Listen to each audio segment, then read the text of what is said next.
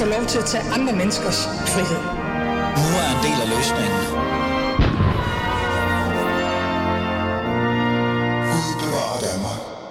Ja, Gud bevarer Danmark. Det kan vi virkelig øh, hvert fald er brug for, kan man måske godt sige. Det er blevet tirsdag, og øh, så betyder det jo, at jeg selvfølgelig dukker op igen i dine ører og sætter lidt fokus på fædrelandet. Og det er netop det, vi skal gøre i dag. Men vi har jo det her ekstra, ekstra fokus på det borgerlige Danmark, fordi det borgerlige Danmark er jo i virkeligheden i krise. Og dansk politik har jo så også ændret sig i virkeligheden. Det har ændret sig i forhold til visioner og drømme, og øh, i virkeligheden også farve blokpolitik eksisterer nærmest jo heller ikke. Men især den borgerlige Danmark befinder sig i en form for krise, de ikke engang selv kan se sig ud af. Øh, og det vil jeg jo på en eller anden måde så finde ud af, kan vi egentlig gøre noget ved? Kan man ændre på det? Eller har vi danskere faktisk måske endda fået præcis den borgerlighed, vi allermest vil have? Temaet er jo i gang. Vi kalder det jo genstart borgerlighed, og, øh, og det vil jeg se, om jeg kan gøre noget ved. I dag har jeg en person i studiet, som måske kan hjælpe mig med, og et eller andet sted både også at fortælle mig, øh, om det er det rigtige borgerlige, vi har, eller om vi måske mangler nogle visioner og nogle drømme. Mit navn er Ali Aminali, og du lytter til Alis Fædreland. Lad os gå i gang med at genstarte borgerligheden.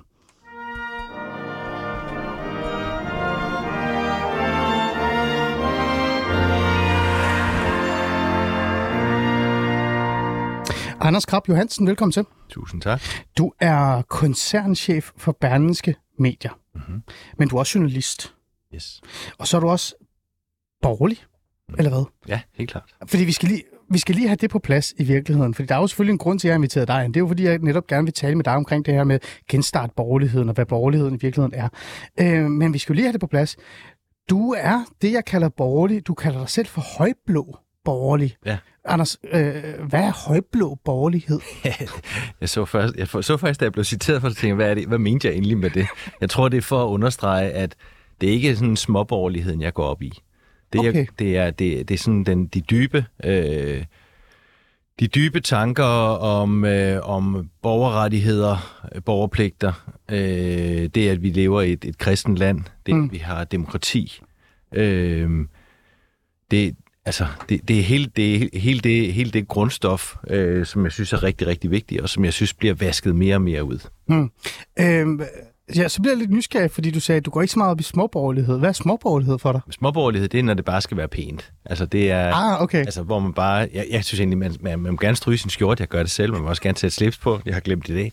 øh, men men det, er ikke, det, er ikke, det er ikke så meget det. Altså, folk kan sagtens være, være, være højblå borgerlige og, og gå i arbejdsbukser. Det er, det, er, det er et andet sted, det kommer fra. Så det er ikke, det er ikke sådan 1950'er-pænheden, der optager mig så meget. Hmm. Det er mere alt, alt det, der ligger bagved, som egentlig har skabt Danmark, mm. øh, den danske samfundsmodel, mange af de vestlige samfund, øh, som jo er bygget på en, en, øh, en meget, meget, sådan, en, en meget dyb tradition øh, om, hvordan man, man, øh, man øh, ser på familie, hvordan man ser på forholdet mellem, mellem stat og det enkelte, øh, hvordan man opfatter øh, religionsstilling i samfundet osv., og det er alle de tanker, som jeg synes er rigtig, rigtig vigtige. Mm. Okay, interessant. Da du sagde småborgerlig, så tænker jeg, om det var måske, fordi du bare heller ikke gik op i sådan noget øh, familie øh, værdier og så videre. Men Nå, det er jo ikke småborgerlige, det er jo de store, ikke? Ja, det er de store, ja. Ja, okay. Småborgerlige, det, det, det opfatter jeg som facade. Ah, altså.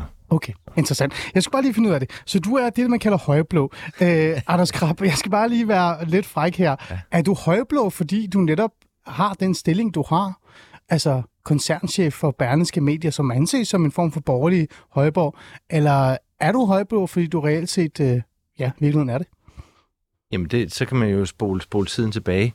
Øh, jeg har været øh, borgerlig, øh, siden jeg var ung, øh, med en afstikker over i noget, øh, bare kaldt ekstrem ekstremt venstreorienteret. Vi er helt over i det, jeg tror nu om dagen vil kalde autonomt eller anarkistisk okay. i, i en periode. Der, hvad lavede du der, derovre, Anders? Ja, hvad lavede der? Det var meget interessant. Det var faktisk spændende. Var det, fordi du mødte en, en pige? Nej, det var det faktisk. Nå, okay. Det var, det var øh, fordi jeg synes, det lød interessant. Øh, men ellers, ellers så vokset op i en, en, en præstefamilie på, på, på Fyn. Hmm.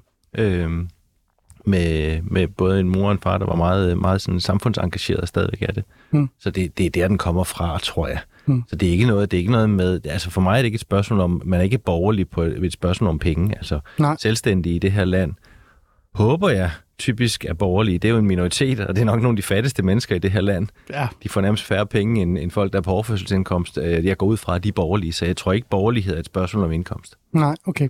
Øhm, så bliver jeg nysgerrig her. Kristendom, har det så også betydet noget for dig i forhold til det at være højborgerlig? Det betyder meget. Jeg tror, den betyder et, et tiltagende meget. Øh, I øh, yngre år, hvor gammel er du? Jeg er 40. Anders. Ja, så indtil jeg var på din alder, Okay. der tænkte jeg ikke så meget over det. Nej.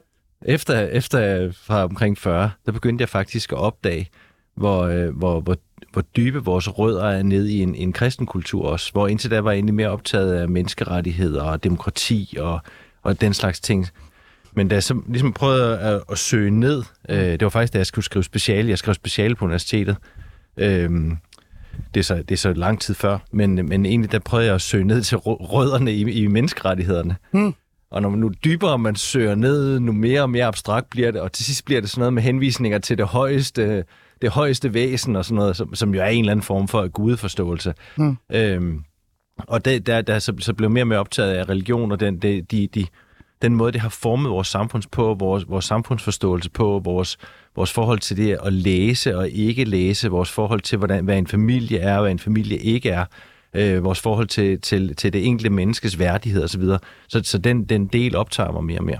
Okay. Vi kommer faktisk uh, senere hen i forhold til, hvad borgerlighed betyder for dig, og det, det spørger jeg dig også lidt mere uh, dybere senere, fordi jeg netop gerne vil genstarte borgerligheden. Så skal vi jo derfor også have nogle, hvad skal vi sige, nogle værdier og nogle visioner på plads, ja. før vi kan genstarte den.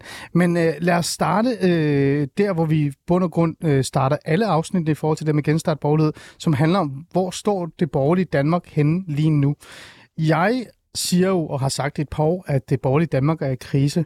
Øh, Christian Legander Skov, som er forfatter og også borgerlig debattør og meningsdanner, han har også øh, skrevet en bog, der hedder Den borgerlige krise. Han er jo ligesom mig, vi har været meget enige i et par år nu, øh, ment, at det her med det borgerlige projekt og det borgerlige Danmark, det står virkelig ikke godt til.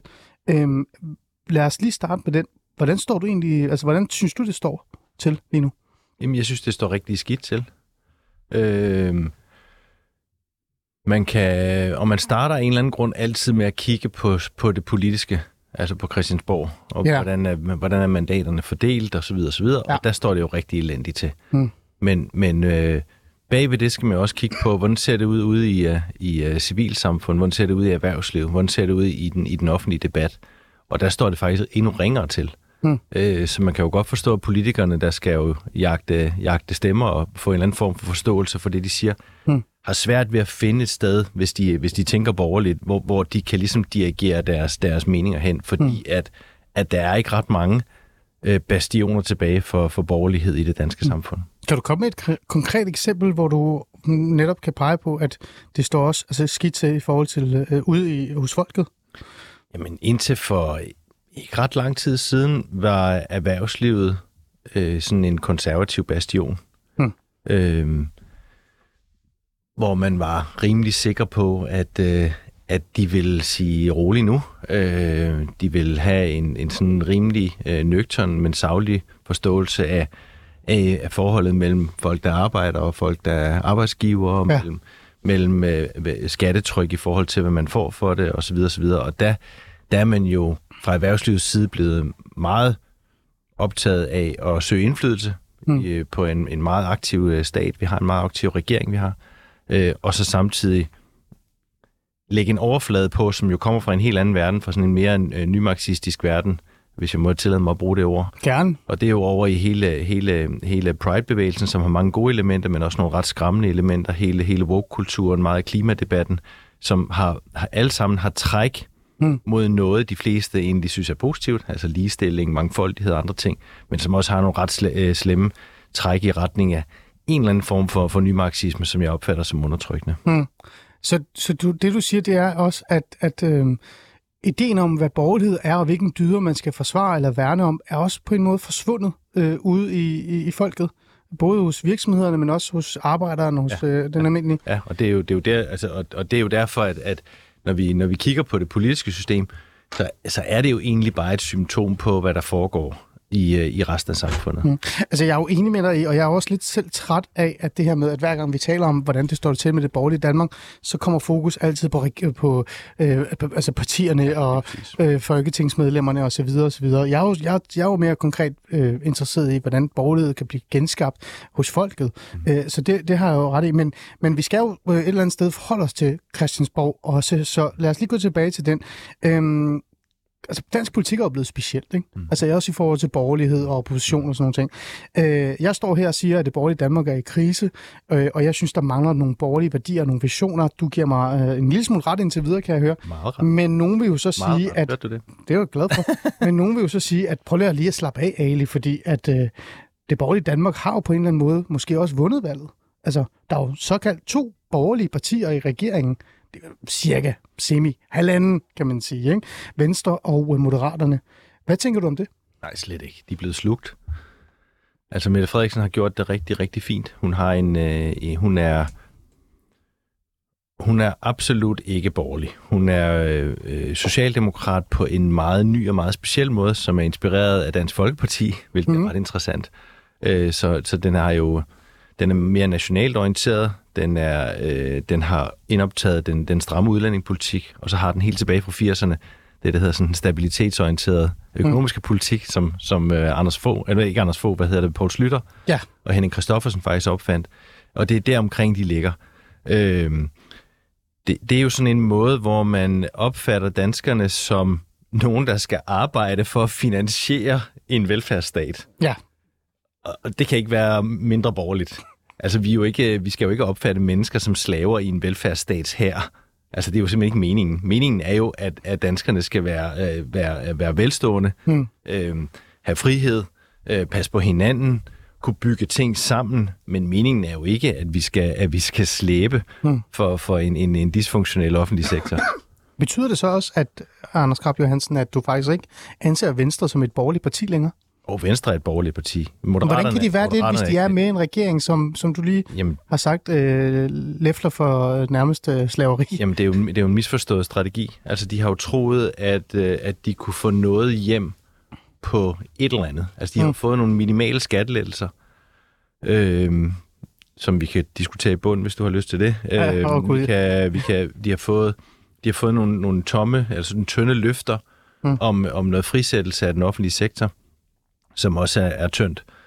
Øh, og jeg er enig i analysen af, at hellere Socialdemokratiet Venstre end Socialdemokratiet Enhedslisten, Hmm. fordi øh, Enhedslisten er skøre. Mm. Men, men, men, øh, men det er ikke det samme, som man behøver at gå i regering sammen. Mm. Øh, og jeg synes, at det er et falsk argument, at man ikke kan lave brede forlig. Vi har jo set forsvarspolitikken er for eksempel en kæmpe bred aftale, Ja. øh, som egentlig er, er kla- altså klassisk borgerlig politik. Alt for sent og alt for lidt, Mm. men stadigvæk borgerlig politik. Øh, så det, så det, jeg synes, det er et forvrøvlet argument, at man ikke kunne få gennemført ting, øh, uden, øh, mens man har stået uden for regeringen. Så det er en fejlslået strategi øh, mere, end at Venstre ikke er borgerligt længere? Ja. Okay, vi vender lige tilbage til det, for jeg er lidt, jeg er lidt i tvivl, fordi du kalder jo også regeringen, den regering, vi har fået, øh, som er en form for midterregering. Jeg kalder det jo en regering hen over midten, der ender i midterrabatten, det vil jeg holde fast i. Du kalder det for en åndløs teknokratisk regering. Ja. Øh, hvad mener du med det? Jamen det er jo, at den, den, har, den har den der forståelse af, at, at, at målet, målet, med, målet med det hele er velfærdsstaten, nu kalder de det så velfærdssamfundet, for at det skal lyde lidt pænere. Ja. Øh, og jeg synes, det er, det, det er, det er ligesom altså, at sætte vognen, vognen foran hesten. Altså, det er, det, det er den anden vej rundt. Altså, målet, målet må være at skabe et velstående, øh, fredeligt land, Hmm. hvor, hvor danskerne kan udfolde sig, øh, og hvor, hvor øh, flest muligt har det godt, og det, det gælder høj som lav. Og det er ligesom om vi, altså, ja, ja, hvis du kigger på, hvordan for eksempel sundhedssektoren, eller plejesektoren, mm. eller skattevæsenet, eller noget andet fungerer lige nu, så er det jo, det er jo dybt problematisk. Ja. Så det, man beder danskerne om, det er egentlig at sige, nej, nu skal I betale endnu flere penge til noget, der ikke virker. Hmm. Hvor det er jo, det er jo helt, helt tydeligt, at det, altså det, er- det er sat op forkert. Det, Mm. mm. det, det er tænkningen, det er systemet i det, der er forkert. Mm. Mm. Interessant nok, mange af de ting, jeg nævner her, det er jo det sidste, vi har tilbage af sådan en sovjetindretning af samfundet, hvor man tror på planøkonomi, hvor ingen andre steder i, i samfundet tror vi på planøkonomi. Du har sikkert en mobiltelefon liggende her. Jamen, jeg Den er jo absolut ikke planøkonomisk lavet. Det vil jeg i hvert fald ikke mene. Øh, og mange andre ting er jo, er jo, er jo lavet i en, en sådan en evig konkurrence Ja. mellem, hvem der er dygtige og hvem der ikke er dygtige. Og på den måde får vi det alle sammen bedre. Ja. Det er jo ikke kun de rige, der har mobiltelefoner, for eksempel. nej, nej, men, men Anders, siger du, og, at... og, så, så, så, det, så det er jo sådan en... Altså, det, det der er min hovedpointe, jeg kan, med, med alle de her tossede eksempler, jeg kommer med, Nej, nej, det er egentlig, at, at man, skal, man skal passe på, at man ikke gør, gør staten og det, at danskerne betaler skat til formålet med det hele. Formålet med det hele er jo noget andet. Det er jo at lave et godt samfund. Men siger du, at, at det er det, regeringen allermest går op i lige nu? Altså, altså det er den regering, vi har fået, som nærmest kører en form for øh, planøkonomi-tilgang til... Jeg synes, jeg synes, det er, jeg, jeg synes når, når, når man læser regeringsgrundlaget og hører, hvad de siger, Mm. så er formålet ligesom øh, at sige, nej, det Danmark, vi har med den indretning, vi har nu. Skal beskyttes for enhver pris, og danskerne skal knokle Mm. for enhver pris for at finansiere den her model. Mm. Og så siger den også på den anden, hvilket er ret interessant, at verden er farlig. Altså, de, de, bygger, altså, de bygger krisebilleder op, Det gør de. som jo er, øh, altså, mm. os der bare er halvvoksne, ved jo godt, at der har været kriser igennem Mm. mm. tiden. Altså, så jeg har sådan lidt, okay, men, men der har jo været, altså, der har været værre kriser, hvor, hvor ministre og statsminister ikke har talt krisen op, men har sagt, rolig nu, vi klarer det fornuftigt. Så det er sådan en sjov, det er sådan en sjov, altså, de skaber krise for, for krisens skyld, både omkring økonomi og omkring sikkerhed og omkring ja. andre ting. Og så kræver de ligesom, at danskerne, at danskerne skal betale mere til, at de kan lave noget, hvor de egentlig, ja, egentlig faktisk op, oprigtigt talt ikke synes, de, de, jeg synes ikke, de leverer varen. Mm. Øh, Nej, så du er i hvert fald ikke øh, fan af det her, den her regering, vi har fået? absolut ikke. Jeg vil jo mene, at vi har fået den her regering, fordi netop det borgerlige Danmark ikke virker, men, men det kommer vi tilbage på, øh, til. Du har også sagt åndløs. Mm. Alt det, du nævnte der, for mig der er det teknokratisk. Ja. Åndløs. Hvad, hvor, hvad er det åndløs i det? Men, men kom, med en, kom med en ting, nogle af dem har sagt, som taler til det gode i os mennesker, som taler til drømmen om en bedre, et bedre Danmark, Hmm. som taler til humanisme eller storhed eller noget Mm. mm. andet. Prøv, prøv at komme med et eksempel. Det, det, det findes jo ikke. Det Nej. er jo det hele er jo er jo er jo er, er sådan regneark og det der er blevet kaldt uh, konkurrencestatslogik, uh, logik, hvor, hvor de sådan sidder og flytter rundt på på offentlige ansatte og folk på overførselsindkomst og skatteyders med sådan nogle brikker, Mm. mm. i stedet for at kigge på det som, som, som mennesker, der faktisk hver især har en drøm om, om, om et liv, de gerne vil leve. Hmm. Så det er langt væk fra det også det borgerlighed, som du anser som vigtigt i hvert fald, den regering. Helt klart, helt klart. Jamen, så er vi tilbage til det her med, at Venstre så har netop at gå, valgt at gå ind i den her regering. Ja. Ja. Er Venstre så et borgerligt parti? Jeg, jeg tror, Venstre i sin kerne er et borgerligt parti. Det er jo et gammelt parti. Om, det- om, jeg tror, det er 150 år gammelt. Jo, jo, selvfølgelig. Øh, Øh, altså konservativ jo- Folkeparti er også konservativ, måske.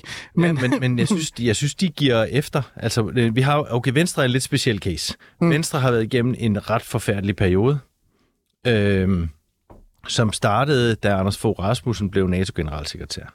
Ja. Der blev øh, Lars Løkke øh, formand, Mm. og Lars Løkke er, øh, hvad skal man sige, han har sådan en... Ja, Lars Løkke har mange fine træk, men han har også en, en vis uansvarlig tilgang til tingene.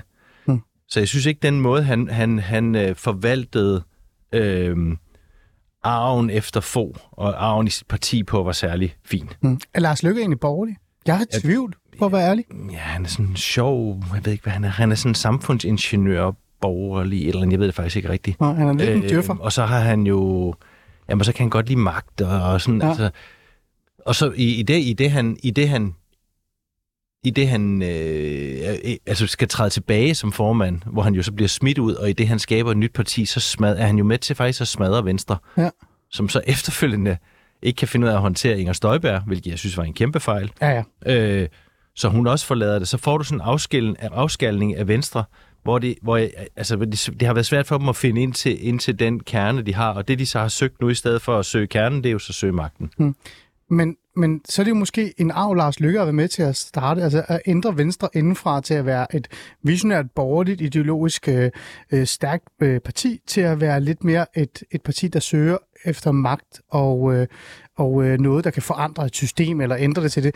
Øhm, øh, det. Det giver mig jo faktisk mulighed for Det så... skal faktisk ikke forstås sådan, så det gjorde, det gjorde Anders Fogh jo også. Altså, de, det er ikke fordi, altså Venstre har jo, er jo et pragmatisk parti, så Anders Fogh var jo også meget magtønde. Det er mere den der, nonchalant måde at gøre det på, mm. øh, som jeg synes var ødelæggende. Venstres Martin Dalin og andre venstrefolk har jo også været ude at sige, at Venstre er et, Morten, undskyld, Morten Dalin, ja. er at Venstre er et magtparti og går efter indflydelse. Mm. Altså, at de går mere op i magt og indflydelse, end de går op i at stå på deres politiske værdier nærmest. Mm.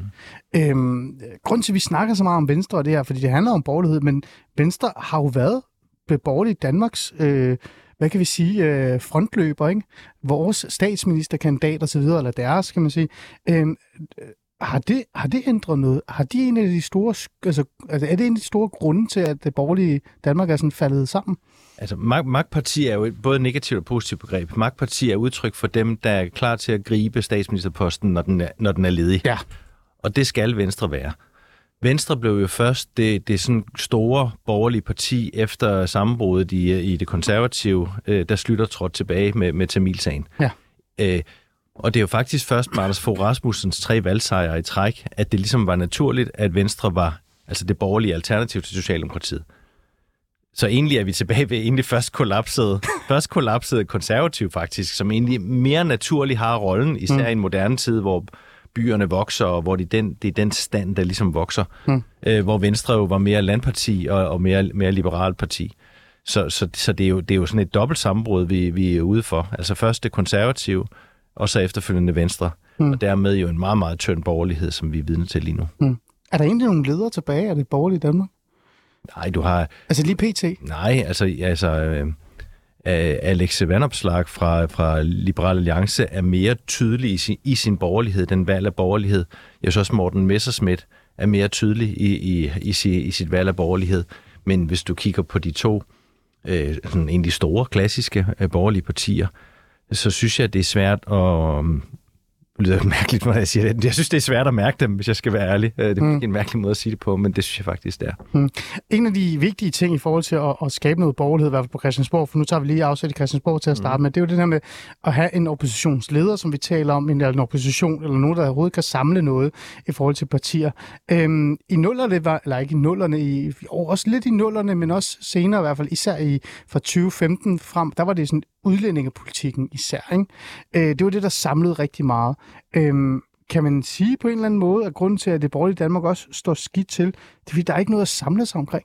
Ja, altså øh, i, øh, det er meget interessant, for hvis du tager til, helt tilbage, så har man altid kunne samle sig om, at øh, Socialdemokratiet var nogle, nogle værre nogen. Ja. Og, og, øh, og så havde man, og så kunne man også samle sig mod kommunisterne, der er vi helt tilbage under den kolde krig. Så der, nu kører vi sådan frem til 89-agtigt. Ja. Så har vi en periode derefter, hvor at folk ikke kan få armene ned, inklusive undertegnet fra 89 og, og fremad indtil, indtil 9-11-agtigt. Hvor det der jo, altså det der jo var sandheden, det var, at alt der ikke var liberalt, frit, frit slash borgerligt, ja. var, det var bare taber alle sammen. Så, og, og væksten var jo helt vild, og frisættelsen af, af resten af Europa, det er der ikke ret mange, der kan huske i dag, men jo helt, vi snakker hele Sydeuropa, hele Østeuropa, meget af verden blev frisat der. Så har du sådan en, det bliver nærmest dumt til sidst. Mm. Og så det, der samler faktisk fra, øh, fra, fra 2001, og det er jo det, nogen har kaldt det systemskiftet, hvor, hvor Anders Fogh og Dansk Folkeparti med de konservative faktisk får flertal. Altså mm. radikalt bliver sat uden for indflydelse. Ja. Det, det, det, er jo, det er jo, som du selv nævner, udlændingepolitikken, mm. der samler det. Altså en eller anden sådan velfærdsstats forståelse, som er egentlig mm. sådan, ja, semi-socialdemokratisk, og så også en stram udlændingepolitik. Det er sådan, mm. det er sådan der, det der, det der linjerne er. Mm. Um, så ja, der har altid været nogen, der skal være modstanderen, ellers så går ja. det galt. Og lige nu er der måske bare ikke nogen modstander, eller hvad, Anders Krav? Jeg synes, det er rigeligt. Men hvorfor er det så, at de borgerlige partier ikke kan finde altså, fælles fodslag i forhold til at pege på modstanderne? Ja. Er vi tilbage til igen det der med, at Venstre på en eller anden måde bare har krammet sig ind i regeringsmagten, ligesom Dansk Folkeparti på en eller anden måde øh, var med til at kigge på Socialdemokratiet og bare legitimere, at de blev det monster, de er blevet. Altså Christian Egander Skov, historikeren, som du nævnte ja. i indledningen, øh, har, har jo haft nogle meget fine beskrivelser af, af, af den der periode, som jeg også lige nævnte fra, fra 89 og fremad. Og det, der er jo sket med borgerligheden fra derfra og fremad, det er, at den er blevet meget tynd. Mm. Og det vil sige, at den går meget op i effektivitet, og, og man skal kunne forbruge en masse, og den enkeltes frihed, og altså, altså sådan nogle ret, hvad skal man sige, egentlig ret flade værdier. Mm. Og, og det, som de ting egentlig er altså bunder i, eller udtryk for, altså mm. er, som jo egentlig er et ønske om, om et velstående land, hvor, hvor, hvor flest muligt har det godt. Øhm, Mm. Hvor man har, har råd til at passe på, på de fattige, og hvor der, hvor der er kultur og, og, og dannelse osv. Altså, hele den del er jo, er jo blevet, om ikke vasket ud, så er i hvert fald blevet tyndet meget. Mm. Og jeg har faktisk tænkt mig at stille dig det spørgsmål, hvorfor det er sket nu. Ja.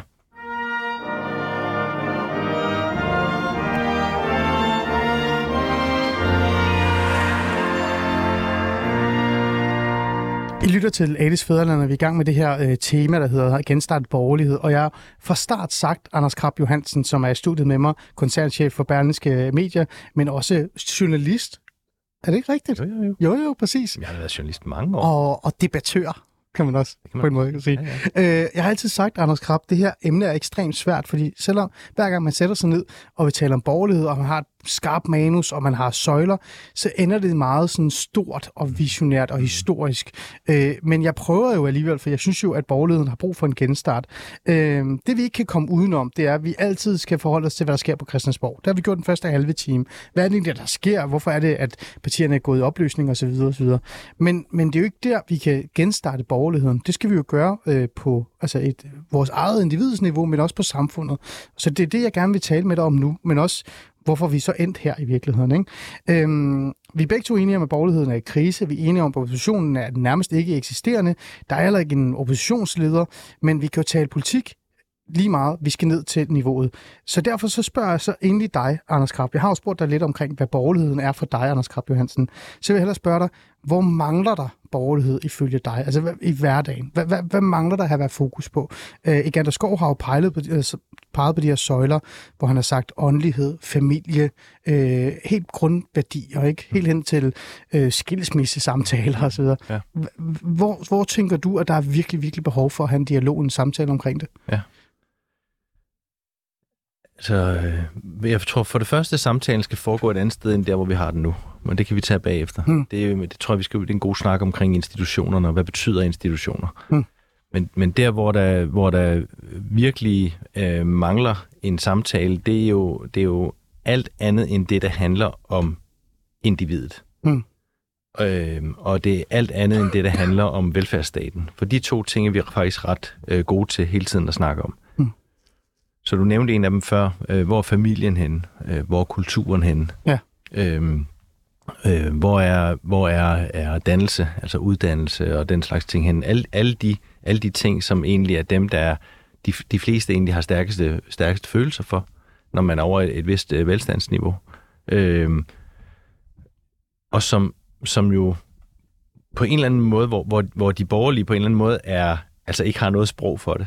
Hmm. Øhm, og der, der, har vi jo, der står vi jo i en periode nu, hvor at en, en, en sådan ny aktivistisk venstrefløj har, har mange, mange kraftige øh, meninger om alt fra normbrud til, til køn, til, til familieformer, til, til uddannelse, til øh, ja, hvad, det nu er, hvad, der, hvad der er temaer, øh, og hvor de borgerlige faktisk ikke har nogen svar. Hmm. Og det viser, at man ikke har, at man ikke har øh, altså gjort sig umage med at finde øh, fundamentet.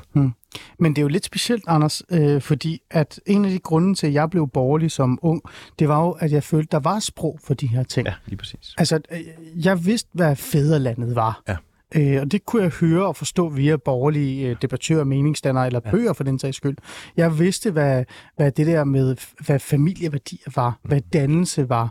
Mhm. Øh, altså helt hen til, at jeg, jeg sidder og står her med kasket, jeg burde jo tage den af, Mhm. og så videre, og så videre. Ikke? Øhm, så sproget har jo altid været der, eller den, i hvert fald historien har været der, fortællingen har været der. Er den forsvundet? Og der er jo ikke nogen, der er stolt af den.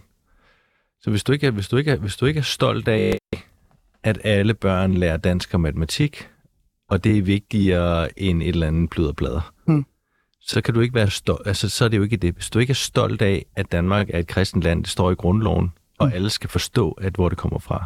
Hvis du, ikke, hvis, du ikke er, hvis du ikke er stolt af, at vi er et land, der har, der har født øh, altså, kulturelle øh, fyrtårne inden for maleri og litteratur og alt muligt andet, så vi får det ind alle sammen. Så hvor, hvor, hvor skal det så komme fra? Mm. Så, så, så alle, alle de ting, som egentlig er med til at bygge det, er fundamentet for det. Fordi hvad er det, hvad er det, hvad er det vi har fået i stedet for? Vi har fået sådan en, nu har jeg boet i USA to gange og vild med det land, Ja. men vi har fået sådan en, en, en, hvad skal man sige, en latterlig afart af amerikansk individualisme i Danmark, Hmm. som er meget, meget tynd. øh, og som du kan næsten ikke engang genfinde den i USA, Nej. øh, hvor de jo har et meget mere forskellige artet forhold til. Altså, jeg vil mene, det er mere ekstremt i Danmark, end det i USA. ekstrem. Den er mere ekstrem. Men, men Anders, hvorfor er det, vi er her? Fordi at, at vi kan jo stå her og pege på og sige, at venstrefløjen er for gode, eller skriver for mange bøger, ja. eller vi kommer også frem til det senere, har for mange for eksempel medieplatformer til reelt set at ja. fortælle deres visioner og drømme. Ja. Men det er jo det nemme. Øh, burde vi ikke kigge ind af og så sige, at øh, borgerlige har været for dårlige? Jo. Altså øh, til at komme med de her fortællinger, til at have fokus ja. på det her. Det er lang tid siden, jeg har hørt en politiker eller en meningsstander sætte sig ned og kun tale om familieværdier. Mm. Det er rigtigt. De vil hellere tale om effektivisering, ja. øh, lavere skat øh, og bedre vilkår til virksomheder. Mm-hmm. Er det det, der, det er der, det er gået galt? Ja, det er det faktisk. Og det, og det der jo er, det er, at man har øh, sådan, øh, skridt for skridt har man afgivet institutionerne. Øh, lige så stille. Så Mm. hvis, du, hvis du tænker på, øh, lad os bare tage folkekirken i gamle dage. Ja. Så vil vi have opfattet folkekirken som en, en konservativ bastion. Mm. Øh, det er den ikke i dag. Nu er det sådan noget, de fleste præster er sådan noget socialrådgiverrøde-agtigt et eller andet. Sagde jeg til dig, som er socialrådgiver. Men, men det er sådan lidt det samme med, øh, man har sådan lidt, okay, altså så man kommer i kirke, og så kan de ikke engang finde ud af at, at teksterne. Jeg går i kirke, altså øh, forskellige steder, hvor der er dygtige præster, det er ikke det. Men der er mange præster, der laver det om til sådan en børnegudstjeneste med noget socialt eller andet, og har sådan noget, stop jer selv. Altså, det er, ikke, det er ikke det, der er vigtigt her, det er en meget dybere og meget, meget stærkere. Hmm. Vi har det med Grundtvigsprisen, som jeg gjorde grin af, som de giver den til Pelle Dragsted fra Enhedslisten, han sådan, Ja. altså Grundtvig og en kommunist, ikke? Altså, øh, det hænger ikke helt sammen. På Nej. noget kom, tager nu sammen, ikke? Så, og det er bare et symbol på hele, hele højskolebevægelsen, mm. og hele det, der var omkring det, som jo er liberal, Mm. den har man også afgivet. Så kan du, du, altså, du kan sådan set bare tage det institution for institution, altså Mm. domstole, universiteter, medier og alt muligt andet. Mm. Og hvis du afgiver, hvis du afgiver magten over institutionerne, fordi at du kan se, at du i din egen lille verden Mm. kan blive, blive rig og velstående og tage på, på, på lækre rejser og få en lækker bil. Altså hvis du afgiver det, jamen så har man jo så har man ligesom øh, afgivet, øh, afgivet øh, muligheden for At, at, at skabe den rigtige samtale. Men, men, men Anders, du bliver nødt til at fortælle mig, for det er det en af de spørgsmål, jeg altid stiller borgerlige, når jeg mødes ja. Med dem, eller har dem i studiet, eller taler med dem udenfor. Det er, at, at de er alle sammen enige om, at den mangler. Altså historien, fortællingen om, om det at være borgerlig. Øh, Du siger for eksempel, at øh, hvad hedder det, øh, kirken er en konservativ bastion. Jeg vil jo mene, det jeg, mener, jeg vil jo mene, at det har været en folkelig bastion. Altså, mm. kirken har jo været, der, det er ligegyldigt, om vi er, vi er kulturkristne eller ej, så er det stadig fyldt noget. Det har været en institution, ja. som vi har været vant til, som ja. vi har respekteret, Yes. og så videre, og så videre. Det har været igennem vores dannelse. Dansk historie, historien om kongerne og så videre. Ja. Det har også været noget fundament, vi har stået på. Vi har ja. som vidst. Øhm, på en eller anden måde er det jo forsvundet. Alle er jo enige i det, du siger, men jeg forstår bare ikke, hvorfor det så er forsvundet. Nogen har sagt til mig, at at Ali, det er effektiviseringens skyld. Lars Lykkes effektivisering, mm-hmm. centraliseringen, mm-hmm. øh, fo- altså fokus på regnskabsborgerlighed, som vi kommer ind på senere, men også den her øh, spild chance af at blive ved med at holde fast i at fortælle den borgerlige fortælling om, hvad Danmark er, ja. Som de fleste danskere er. Ja. Altså, man har bare lavet være, Ja. fordi man har tænkt, det er der ikke behov for. Og så er Venstrefløjet kommet ind og begyndt at fortælle deres fortællinger. Ja. Er det derfor, har, har, har man været for naiv og for, bor, altså for dum, for at være ærlig? Undskyld, jeg siger Ja, og man har været for optaget af, af sig selv og sine egne. Så har man, øh, og det, det er sådan en grund, grundlæggende hele vejen igennem. Så, øh, så øh, hvis man kunne få sit eget liv og sin, øh, sin egen ting til at fungere, så har man ligesom set væk fra det fælles. Og der Mm. er jo altid en fælles pulje Ja. rundt, rundt om os alle sammen. Øh, så har vi også lidt den der, den der, den der supersejr i 89 og fremad, gjorde det jo næsten for, altså de andre har jo bare tabt. Altså de, altså, de andre er bare sådan nogle tabere. Ja. Og, og det giver sig selv at et eller andet. Og der, der har man jo undervurderet, og man har især kunne se det siden finanskrisen, hvor, hvor stærke kræfter der er den anden vej. Mm. Øhm, så er det klart, at modellen har også den, den, den markedsøkonomisk borgerlige model med frihandel og internationalisering har jo skabt en velstand, som er, er, er, er altså sådan helt nærmest uforståelig. Mm. Øh, og det har den skabt for, for store dele af, af verden. Det er jo ikke bare det er jo ikke bare de rige i Vesten, der har, der har fået det godt. Det er jo, det er jo, Mm. altså jo- jorden rundt mange steder. Øh, Man kan se det, når man følger FN's øh, fattigdomsmål osv. Øhm, og den, den succes har også givet en eller anden form for, for dogenskab, og det vil sige, at, at alt det, der ligesom lå uden for det, har man overladt til nogle andre. Mm. Øh, og der har man fra borgerlig side virkelig, virkelig ikke været opmærksom på, at hvis man ikke har fat der, Mm. jamen når, når politikerne, jeg mener stadig politikerne er en afspejling, når de så skal tale ind i en befolkning, jamen så taler de jo ind i noget, hvor at folk synes, profit er dårligt. Altså det er jo sådan, det er helt banalt. Mm. Altså der, du kan jo, altså der er mange, der har en opfattelse af, at hvis nogen tjener penge på noget, Mm. Så er det formentlig dårligt. Mm. Bare ikke lige med alt det der deres eget forbrug. Mm. Altså hvis de selv skal købe tøj, øh, huse, øh, mobiltelefoner, øh, hvad det er, så vil de selvfølgelig vælge det, altså, den højeste kvalitet til, til den laveste pris. Mm. Og der er der ikke noget problem i det, men, men når, det, når det er mange af de fælles ting, øh, så er det pludselig et problem. Og det er fordi, at der er andre historier, der er kommet ind.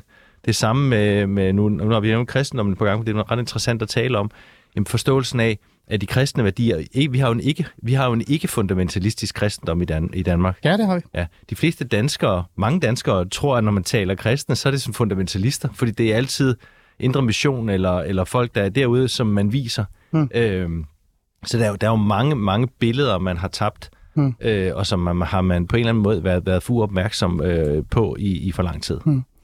Øhm, lad mig prøve at afspille et klip for dig, som jeg synes er interessant, fordi det, det handler om lige det, vi taler om lige nu, som i bund og grund handler om, sådan, hvad er det, der, der skete? Hvad, hvorfor er det, vi endte her? Det kan være dogenskab, det kan være øh, ideen om, at man har sejret for meget. Øhm, men jeg talte også om det lige før, du regnede, nævnte også lidt. Det kan også være, fordi at liberalismen bare har sejret for meget. Altså regnskabsliberalismen, regnskabsborgerligheden har vundet over de andre ting. Jeg spurgte Kasper Støving, som var med i det første program, omkring det her med liberalisme, konservativ borgerlighed og, og konservatisme, hvordan han, han så det. Og øh, jeg synes, han sagde noget interessant, som, og det er jo fordi, jeg er enig med ham det er derfor. Lad os lige høre, hvad han sagde. borgerlige har været liberale i deres selvforståelse. Det vil sige, at de har ikke haft blik for det sted, hvor man erobrer hearts and minds. Øh, altså den, den store øh, borgerlige tænketank, det er jo Cepos, uh, som gør det fint, når de beskæftiger sig med økonomi. Men problemet er, at det kun handler om økonomi. Det ikke handler om kulturpolitik. Det handler ikke om uddannelsespolitik. Uh, det handler ikke om, om uh, kirkepolitik og, og så videre, og så videre. Og det er jo der, man skal sætte ind, for det er jo der, man så at sige former menneskers forståelse af dem selv og det samfund, øh, Mm. de tilhører. Så, så det er jo helt afgørende sted at sætte ind. Det er jo, det er jo dannelse. Det var jo historikeren og konservativ debattør Kasper Støring, som, øh, som jeg talte med omkring, hvad det egentlig, der er gået galt. Han mener ligesom mig, at en, en af de store grunde, måske er det mest mig, øh, at vi er endt her, hvor vi er, det er ikke kun dogenskab. Det er også af regnskabsliberalismen. For eksempel hos Sebers. Øh, jeg har fan af Sebers, men jeg ser dem faktisk ikke som nogen, øh, der kan redde noget som helst for det borgerlige. Fordi deres form for liber- liberalisme har bare vundet. Mm. Øhm, du nævnte selv her med øh, for eksempel Alex Vanopslag, hvor det går rigtig godt for ham. Det går fremad for Liberal Alliance. Jeg har stor respekt for Liberal Alliance og Alex Vanopslag. Også den der form for borgerlighed, de har puttet ind i liberalismen. Men det er jo stadig rådyrket liberalisme.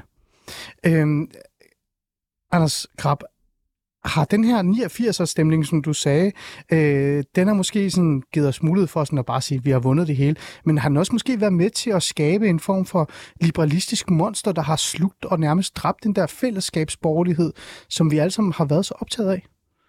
Ja, det kan man godt sige. Og det er måske ikke en dårlig måde at se det på. Øh, og det er jo meget interessant, når man kigger på ordet liberal og liberalisme, øh, hvordan ordet har skiftet betydning.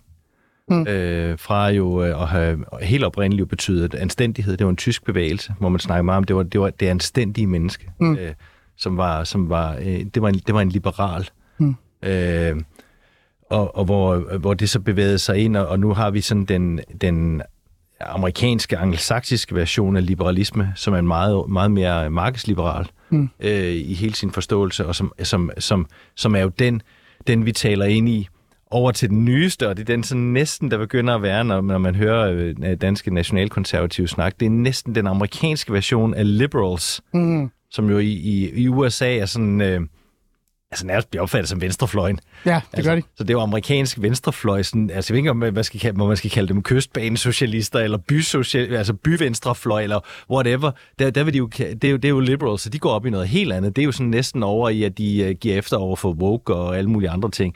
Så, så, så begrebet liberal har i hvert fald mistet sin fylde. Mm. Øh, konserv- konservative er blevet, er blevet sådan, ligesom om de er blevet gammeldags, mm. øh, har, altså kigger mest baglæns og har svært ved at forny sig selv, og liberal er blevet meget, meget smal i sin, i sin forståelse. Jeg tror, det, det er nok en bedre måde at se det på. Og det er ikke, fordi jeg er faktisk enig med, med, med Støvring i det, at, at, at, at hearts and minds, jo er sjovt, han skal bruge et engelsk begreb om det. Ja. Øhm, at, øh, at, at, at hvis man skal have fat i folks hjerte og deres sjæl, jamen så skal man, så skal man, så skal man tale til andre ting end, end, end deres pengepunkt, for det er ikke, det er ikke der, den er. Mm. Men, men det er jo den form for øh, borgerlighed, der fylder allermest den liberale tilgang til det. Øh, og Cepos for eksempel. Øh, Berlingske koncern bruger jo meget Cepos. Mange ser Cepos som sådan den form for borgerlige øh, bastion, der er tilbage. Jeg anser det jo overhovedet ikke som et borgerligt sted. Jeg har Martin Aarup med på torsdag, mm. som nok kommer til at blive lidt udfordret over for mig. Øh, fordi det er, jo, det er jo rå liberalisme. Mm. Er det ikke et problem, Anders Krab Johansen? Jo, det er også bare sigende, at en, en, en lille tænketank med... Øh 10 ansatte eller noget, der minder om, at det er dem, der skal tale på det borgerlige Danmarks vegne. Ja. Altså, hvor er, hvor er alle erhvervsvirksomhederne henne? Hvor er, hvor er præsterne henne? Hvor er skolelærerne henne? Hvor er universitetsrektorerne henne? Ja. Øh, hvor, er, hvor er alle, ja. alle de andre henne? Så du ser det som et problem? Henne? Det er da et problem. Jeg, har, jeg ser ikke noget problem med det, vi ser på skør. De, gør deres, deres, de laver et udmærket stykke arbejde.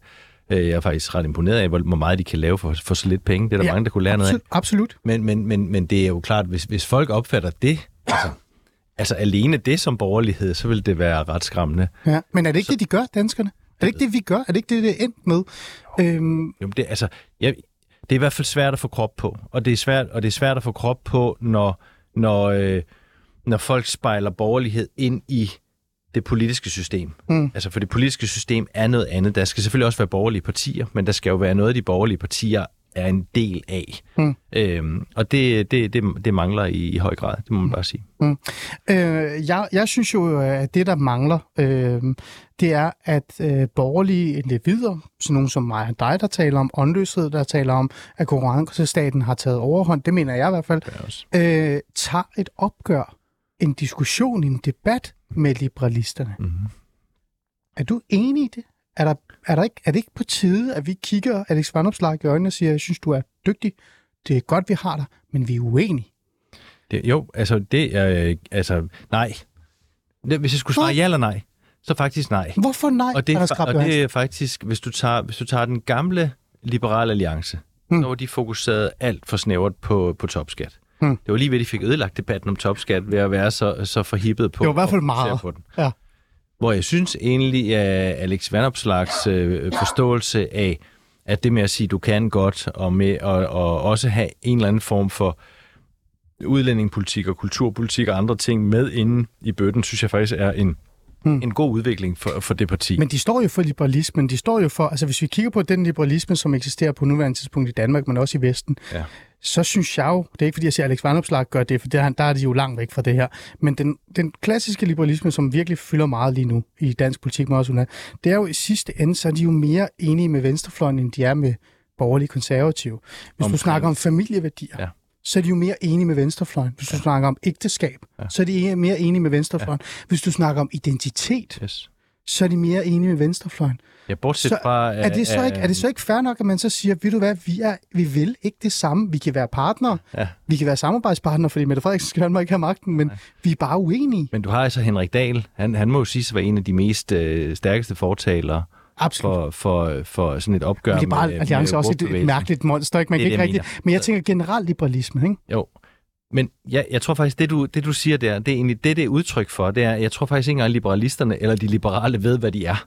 Ah. Jeg tror simpelthen ikke selv, man ved, hvad man er, og så begynder man jo at skøjte. Hmm. Og jeg tror ikke, de ved, hvem det er, der er deres, hvem er deres backing group. Altså, hvem, hvem er det, de taler ind i? Lidt det samme med de konservative. Øhm, for vi har jo haft sådan nogle, nogle store, altså store borgerlige sejre i, øh, øh, på mange fronter. Hvis du kigger på udlændingepolitikken nu, hmm. så er den jo en borgerlig sejr hmm. i forhold til en venstreorienteret udlændingepolitik med åbne grænser. Hvis du kigger på, øh, på hvad hedder det, forsvarspolitikken, så har du også lige, så har vi også en borgerlig sejr igen her, men man begynder faktisk at vil have et forsvar, hvilket er ret interessant. Men også tilbage dengang Socialdemokratiet jo faktisk prøvede at smadre Danmarks NATO-medlemskab tilbage i 80'erne. Det er faktisk. Fodnoter og så videre. Der skulle Socialdemokraterne også på plads. Så det var to, hvor de skulle på plads. De ja. misforstod udlændingepolitik, de misforstod forsvarspolitik. Mm. Den økonomiske politik, der var der også en overgang. Mm. Fuld kagens, bare brug en masse penge, det går nok, og Men- skatten kan sige. Der er også kommet en sejr. Så det, så det borgerlige kan godt sejre, hvis man ligesom kan få, få hovedet omkring det, fordi befolkningen faktisk, altså under institutionerne, mm. det lyder helt mærkeligt, men altså hvis du har det politiske system som et spejl, du har institutioner som dem, der ligesom deltager i magtkampen, bagved det er en befolkning, som ved Gud elsker deres egen familie rigtig, mm. rigtig højt Det gør de. ja, som faktisk synes, at vi skal passe på de ældre rigtig, mm. rigtig fornuftigt. Som mm. faktisk godt kan lide at synge danske sange. Mm. Og, og det vil sige, at der, altså, lige under det der institu- institutionelle lag, mm. er der en meget, meget stærk øh, borgerlighed, som, som på en eller anden måde ikke bliver fanget. Mm. Øh, som ikke har noget sted at tale ind i. Mm. Øh, og det, jeg, tror, det, jeg tror, det er der, vi har en udfordring, og det gælder faktisk både de konservative og de liberale. Mm, okay.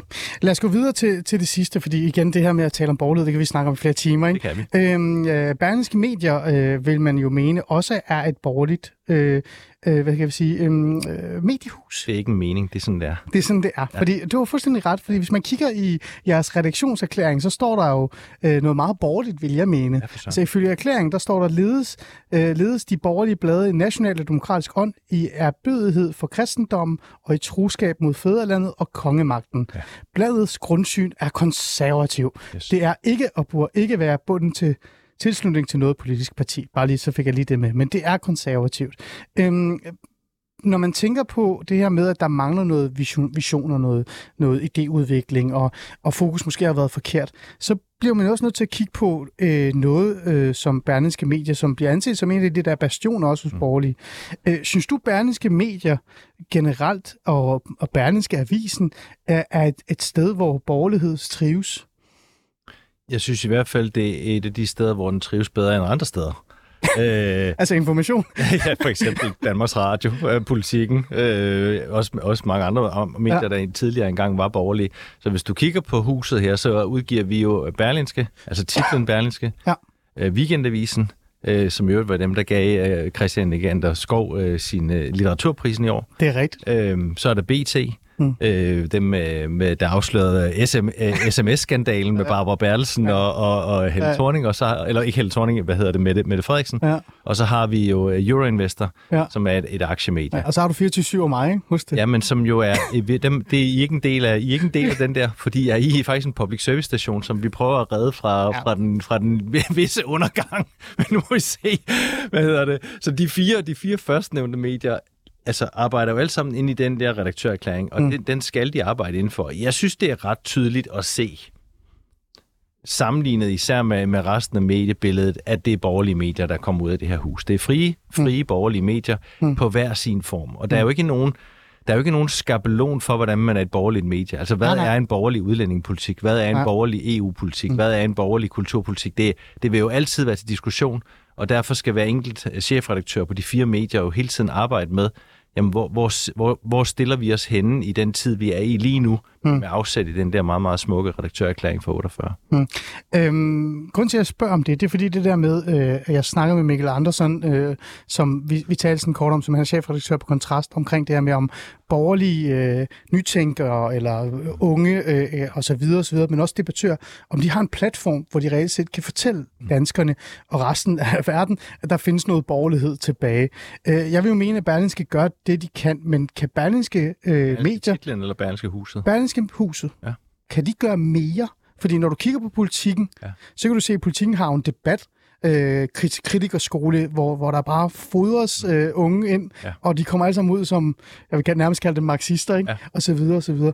Kunne berlinske medier spille en større rolle i, i den her idé om at på en eller anden måde genstarte borgerligheden? Det kunne man sagtens. Øhm, første opgave i sidste par år var jo at sørge for, at huset ikke gik under. Altså, at dårlig økonomi ikke knækkede huset. Ja. Og det var jo det var første del af øvelsen, at hver hus øh, hvad hedder det, kunne overleve i en meget digital medieudvikling. Det er jo sådan, det er jo, det var jo første del af mit ansvar. Og så ud stadigvæk leve op til de der meget, meget smukke ord. Øh, jeg synes, det er ret tydeligt med øh, på alle medier. Og igen, jeg er altid lidt forsigtig, når jeg er her, fordi øh, det, ja, det er jo sådan set... Jeg er jo chef for chefredaktøren, og hver chefredaktør driver jo sit eget medie. Det Mm. står både i lovgivningen, og det er også sådan, det er i realiteten, at de skal drive det hver for sig. Ja. Det der med at give karakter til det ene og det andet, det, det, er, det er jeg ikke sådan særlig glad for.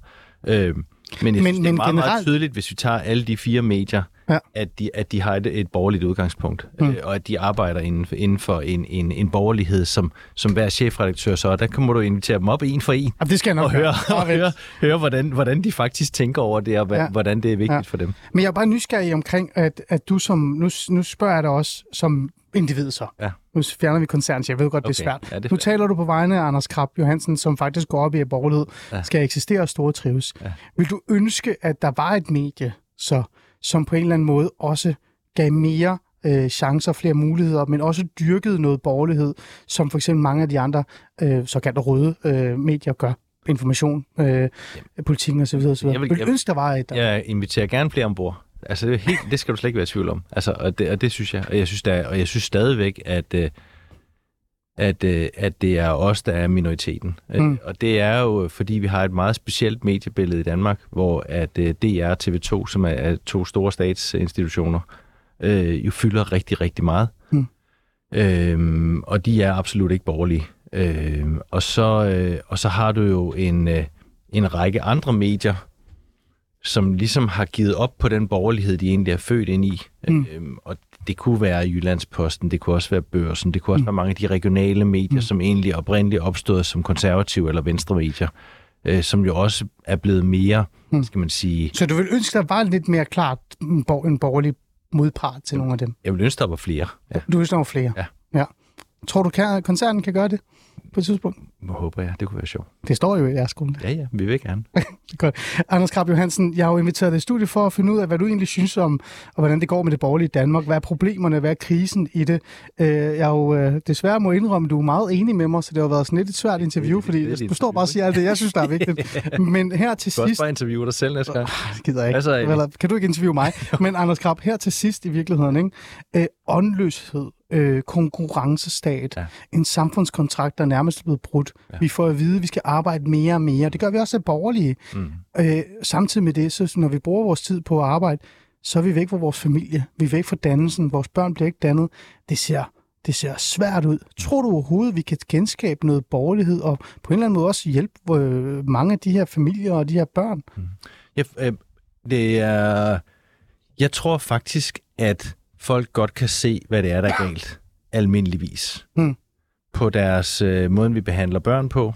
Altså øh, institutioner, du skrev selv forleden om, hvordan de ikke virker. Ja. Øh, skoler, der heller ikke rigtig virker. En offentlig sektor med især sundhed og ældrepleje. Som overhovedet ikke virker. virker. En offentlig administration, som ikke engang kan finde ud af at læse lovgivningen, og ikke kan finde ud af at samle pengene ind på ordentlig vis. Øh, så så der, er der, jeg tror sådan set, folk godt kan se, at det er, at den der, altså vi har et ret godt samfund i forhold til mange andre, Mm. men der er rigtig, rigtig meget, der kunne være meget bedre, og hvor, hvor det kunne også være bedre for både den enkelte og for familierne og for Mm. fællesskaberne. Og, det, og det, derfor tror jeg faktisk, at der er, der er hul til at tale med folk om det, hvis man taler øh, på, en, på, en, på, en, på en, hvad skal man sige, moderne måde, men med, med dybe rødder. Hvem håber du så, der vil komme til at tage til stafetten og taler med, med det her? Fordi jeg har svært ved at kigge på vores politikere lige nu.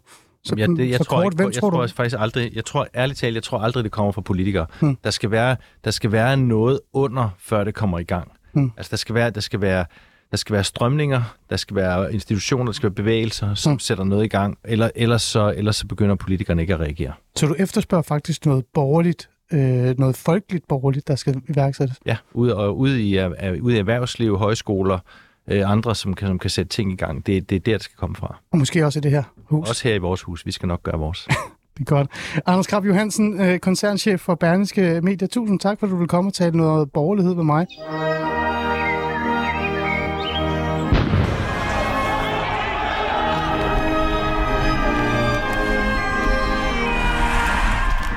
I skal ikke få lov til at tage andre menneskers frihed. Nu er en del af løsningen.